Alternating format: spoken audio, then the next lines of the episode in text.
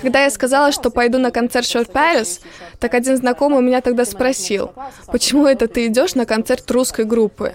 А я ему говорю, подожди, так ты послушай, тогда будешь знать, хорошая ли эта группа, и тогда какая разница, русская она или не русская. С Эляной Гасюлити мы впервые встретились на одной из ее экскурсий, а затем случайно на концерте Short Paris в Киртимайском культурном центре – мы уже говорим обо всем, и это очень хорошо. И в самом деле говорили обо всем. У микрофона Инна Шилина. Здравствуйте. Эляна – гид в королевстве идей, известным своими тематическими и интерактивными экскурсиями по Вильнюсу. Например, «Шалом Вильнюс» или известные неизвестные женщины Вильнюса. Имена некоторых из них прозвучат и в этом эпизоде. Это стало поводом поговорить и о феминизме, и даже анархизме. Ильяна некоторое время работала гидом и во дворце правителей, потому известных литовских русских мы поискали и в истории средних веков. Была одна княгиня из истории средних веков. Ее заставляли сменить веру, стать католичкой, но она этого не сделала. Осталась православной, и из-за этого потом возникали разные проблемы рассказывает о своей современнице Эляне Рюрикайте, дочери московского царя Ивана III, жене литовского князя Александра Йогайлайтиса. Тогда была такая традиция. Когда князь с княгиней въезжают в город, они в первую очередь едут в кафедральный собор помолиться. А поскольку та не была католичкой, они вместе не могли даже в город ехать. Он ехал один, заезжал в собор, а она потом в тайне, в ту белую церковь в Заречье. Ей она больше всего нравилась. Словом, из-за разницы в религиях было много разных интересных моментов. Брак, разумеется, был политическим, чтобы улучшить отношения с Москвой, что совсем не получилось. Но их семья в личном плане была очень красивой, потому что они очень хорошо ладили, всюду ездили вместе. Похоже, что они друг друга даже любили, что редко бывает у правителей. Потому что чаще всего это были браки по расчету. У них не родились дети, а в то время это было практически единственной причиной для расторжения брака. Даже Папа Римский предлагал развестись, дал свое разрешение. Она же православная, не твоего вероисповедания, и даже детей нет, давай ты разведись. Но он говорил нет, потому что ему была очень дорога его жена, и они вместе прожили до его смерти.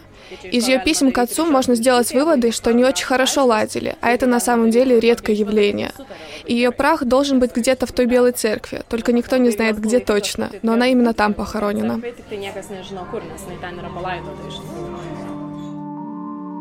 Эляна недавно выпустила свою первую книгу «Литовские визионерки. 10 импрессиографий». Мы встретились до ее публикации, но ей так и не удалось найти известных литовских русских женщин для книги. Я и планирую поинтересоваться, потому что вижу, что мне для книги евреек достаточно, Полик тоже. А вот насчет русских, я как раз и думала, что очень хотела бы включить кого-нибудь. Нужно искать еще. Немало наших женщин ездили, например, в Петербург. Они там работали. Шимайте, Фелиция Барткевичня, литовки. Они часто бывали в Петербурге, это меня заинтересовало. Но вот чтобы была какая-то другая фигура, именно русская, то пока что мне не удалось найти. Потом, конечно, всегда проблематично, говоря об истории, сказать уверенно, где там поляки, где литовцы, где русские. Среди евреев, например, особенно в 20 веке, было много тех, кто говорил по-русски, даже не обязательно умели говорить на идише. Идиш был основным языком вильнюсских евреев, но в межвоенное время говорили в действительности либо на польском, английском, либо на русском. Пока мы говорили, мне пришла в голову такая мысль, что с давних времен, которыми я много интересовалась благодаря своей работе, очень интересен вопрос православных, которые жили в Великом княжестве Литовском, скажем, в XVI веке. Они были православными и говорили на славянских языках, но были поданными Великого княжества Литовского. Один из таких примеров – Константинос Острогишкис, известный военный командир, великий гетман. Вот какой его национальности причислить? Ведь он сражался с Москвой, был литовским великим гетманом, но вместе с тем он ходил в ту же церковь, что и русские. Такие вот православные Великого княжества Литовского, которые политически принадлежали Литве, а в плане культуры, языка и религии – России. А когда начал формироваться институт гражданства? Он формировался долгое время, но более определенно можем сказать, сказать, что 16 века, когда стали появляться законы, вышел литовский устав. Так вот, Острогишкис и попадает под это. Поскольку он жил по литовскому уставу, у него было высокое положение при дворе литовского князя, Политически и граждански он поданный Великого княжества Литовского. И о нем интересно тогда говорили. Лучший друг русских в церкви, потому что он молился тому же Богу, но был самым яростным противником русских на боевом поле. И тогда какой он русский? В данном случае обозначение «русский» используется как «москаль» и уже поданный Великого княжества Московского. Такое вот интересное распределение. Религия та же, православная, но политическая принадлежность иная. И он, например, хотя в то время не стоило бы говорить русскую армию, правильнее московскую, строит в Вильнюсе церковь, которая теперь на Пелес, такая церковь с блестящей башней. Так вот, та первоначальная церковь была построена по его заказу в честь победы над Москвой, но построил он православную церковь.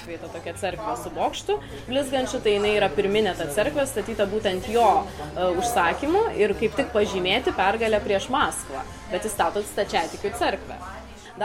Что еще вспомнила? Интересная ситуация. Самая первая напечатанная книга в Великом княжестве Литовском была на старом языке русинов. Ее опубликовал Франциск Карина, который тоже был православным. Это была книга религиозного характера. И сейчас спорят, где была типография. Кто-то говорит, что у ратуши, другие говорят, что нет. Но суть в том, что и письменность, и язык были совсем не литовскими, а были именно славянскими, так скажем. Но в то же время это первая книга, появившаяся на территории Литвы. Мне кажется, что это один из интереснейших аспектов в истории Литвы и свидетельствует, что эти культуры очень смешивались. И когда мы говорим о Вильнюсе, а когда Вильнюс начал становиться городом литовцев? Только в советское время. До этого времени он практически никогда и не был городом литовцем.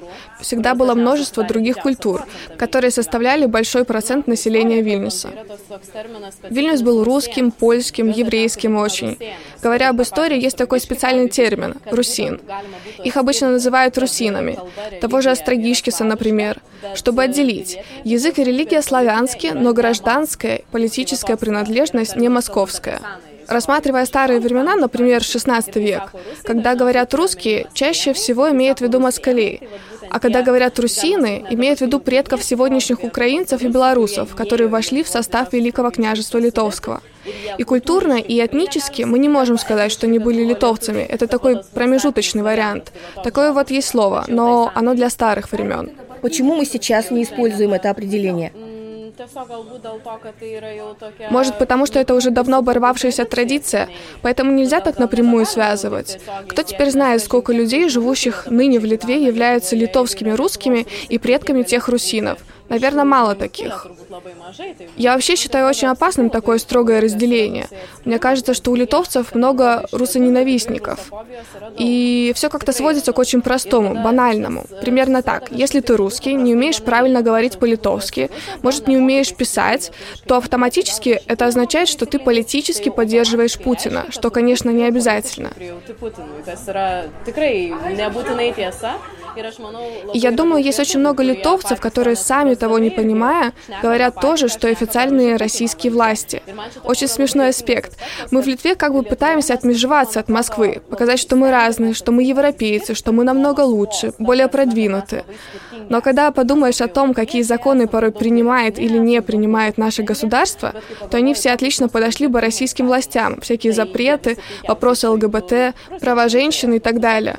Так вот, такое несовпадение меня всегда смешит, что официально мы хотим показать, какие мы западные, но мышление большинства людей точно не отличается от очень консервативных людей в Москве или еще где-то проживающих русских.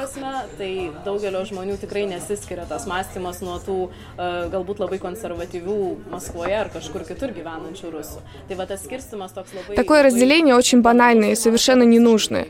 Мы тут литовцы, мы такие, а они вот русские, и автоматически они будут какие-то другие. Этого я никогда не понимала. Но я замечаю, что даже среди молодых людей такой момент присутствует.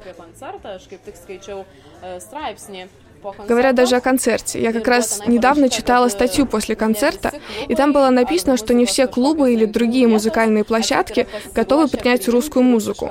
Так я вообще не поняла, что бы это могло означать.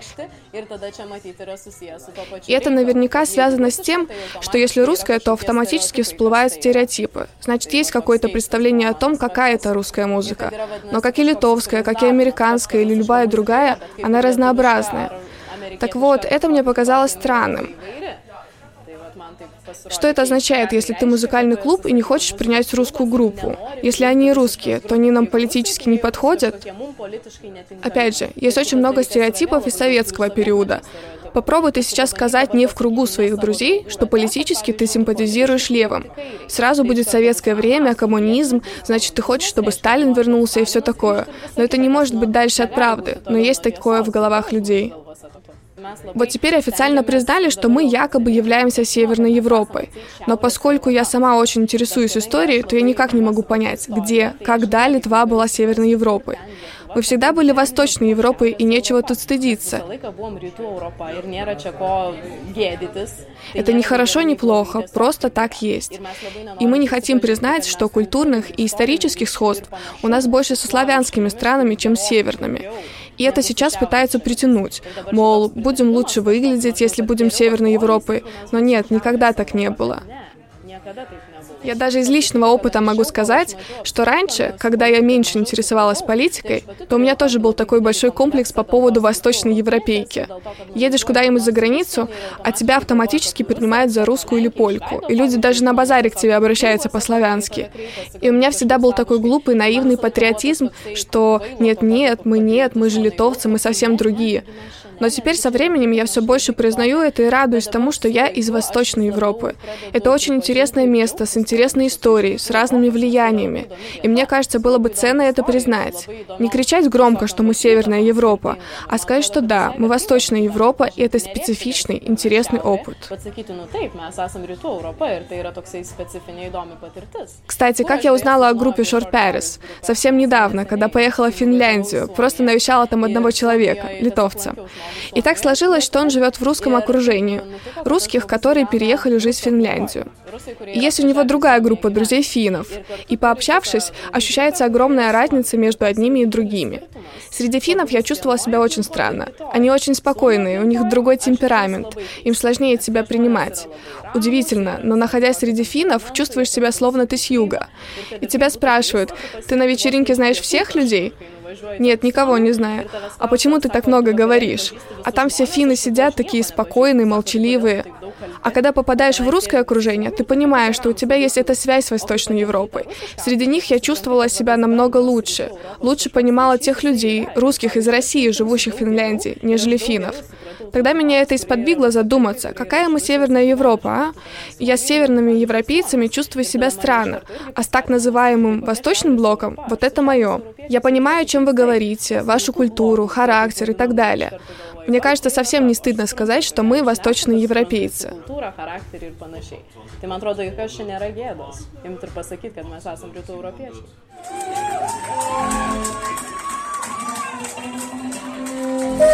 man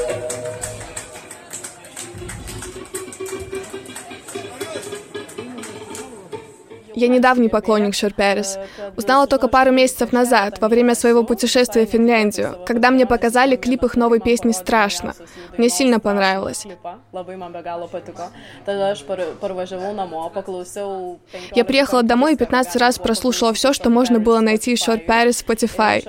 Я даже одну главу своей книги писала под музыку Шерперис. Писала тогда и еврейке Эми Гольдман, которая была основоположником анархизма. И она тоже была связана с русской культурой. И как-то это соединилось в моей голове, и я подумала, что это будет хорошим фоном для того, чтобы писать именно о ней. Потом я увидела, что они приезжают в Вильнюс. Это было совершенно неожиданным совпадением. Но сразу отметила в календаре, что обязательно нужно сходить и обязательно увидеть вживую. Так что я не могу сказать, что являюсь экспертом, который следил за их развитием годами. Это новая, неожиданная вещь. И тот живой концерт мне очень понравился и удивил, превзошел даже ожидания. Теперь точно буду их поклонником и дальше. Понравилась и музыка, и выступления. Совсем не зря их величают лучшей концертной группой в России. Во всяком случае, я нашла такое определение. Визуально впечатляющее выступление и движение на сцене, и близкий контакт с аудиторией в прямом смысле этого слова. Они выступали на самом краю сцены, дотрагиваясь до голов людей в первом ряду.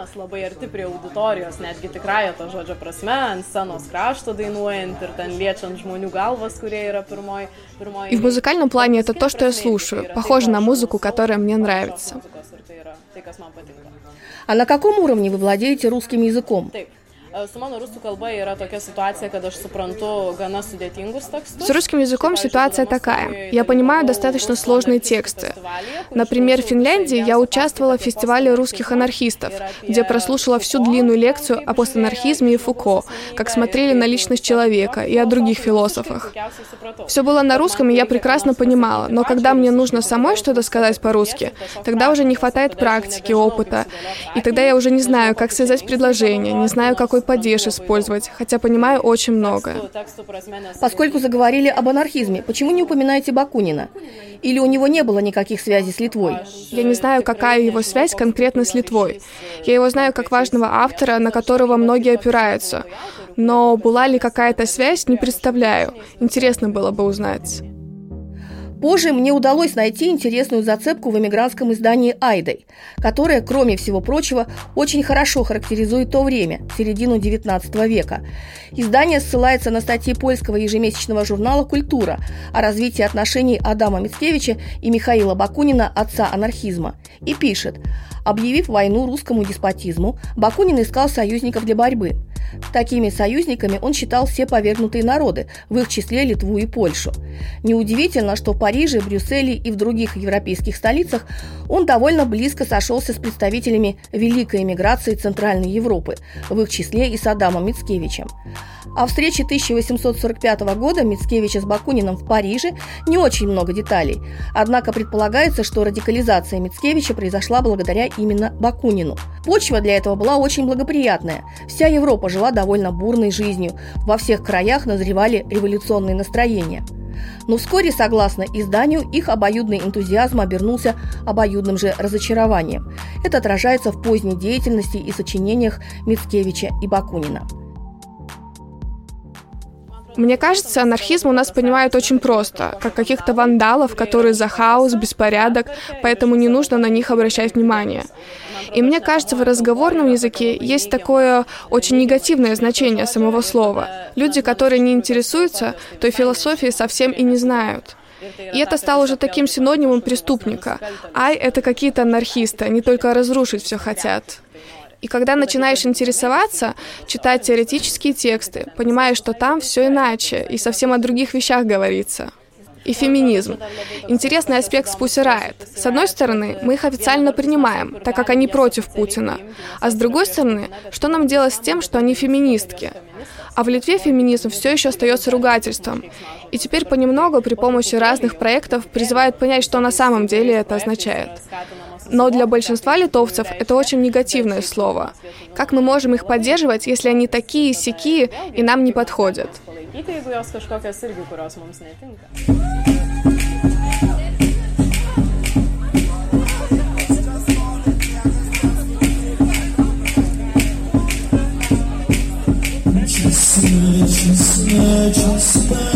Я, в принципе, задавалась вопросом о политических взглядах этой группы.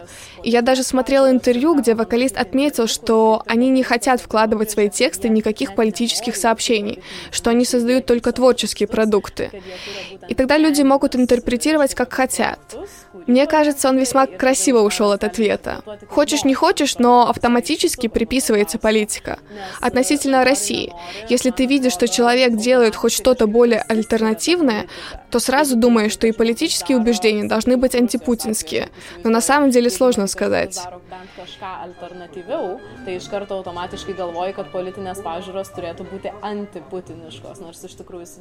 Меня зацепила та строчка, где они поют «Честная нация», и потом «Потому и страшно». И поскольку, как мы уже говорили, я левых взглядов, то у меня это все сошлось. Значит, это о национализме. Для меня эти две строчки таким образом прозвучали. Может, они так не задумывали, но когда я интерпретирую, мне кажется, что это верно.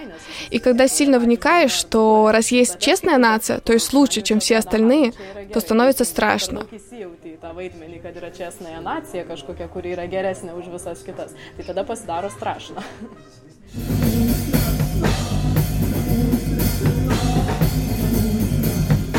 Другого контекста вы здесь не увидели?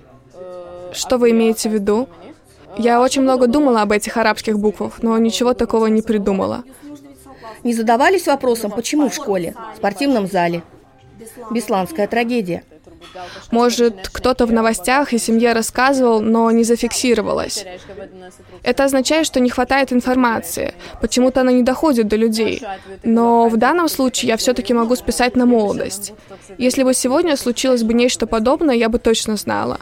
Правда, может, есть такое предубеждение, что мы меньше хотим знать о том, что происходит в России, чем о том, что происходит еще где-то в мире. Скорее, даже в Западной Европе или Америке.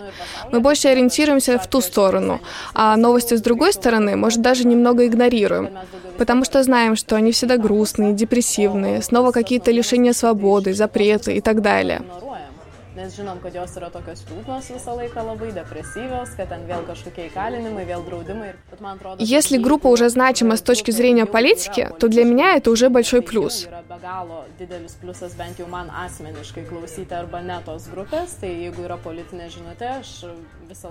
Если есть политическое сообщение, если взгляды совпадают, то для меня это будет стимул послушать. Остальное субъективно.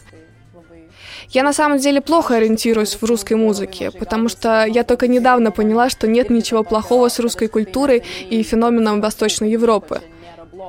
Я думаю, что начну больше интересоваться, потому что раньше, конечно, когда растешь в окружении литовцев, ну, насколько возможно сказать литовцы, потому что все перемешались, конечно, и в моей семье. Но все равно есть какое-то предубеждение, что ничего хорошего в этой русской музыке. Есть какие-то поп-звезды, которые создают музыку сомнительного качества, а других люди и не знают. Но с другой стороны, литовские поп-звезды, их музыка тоже сомнительного качества. Есть такое предубеждение.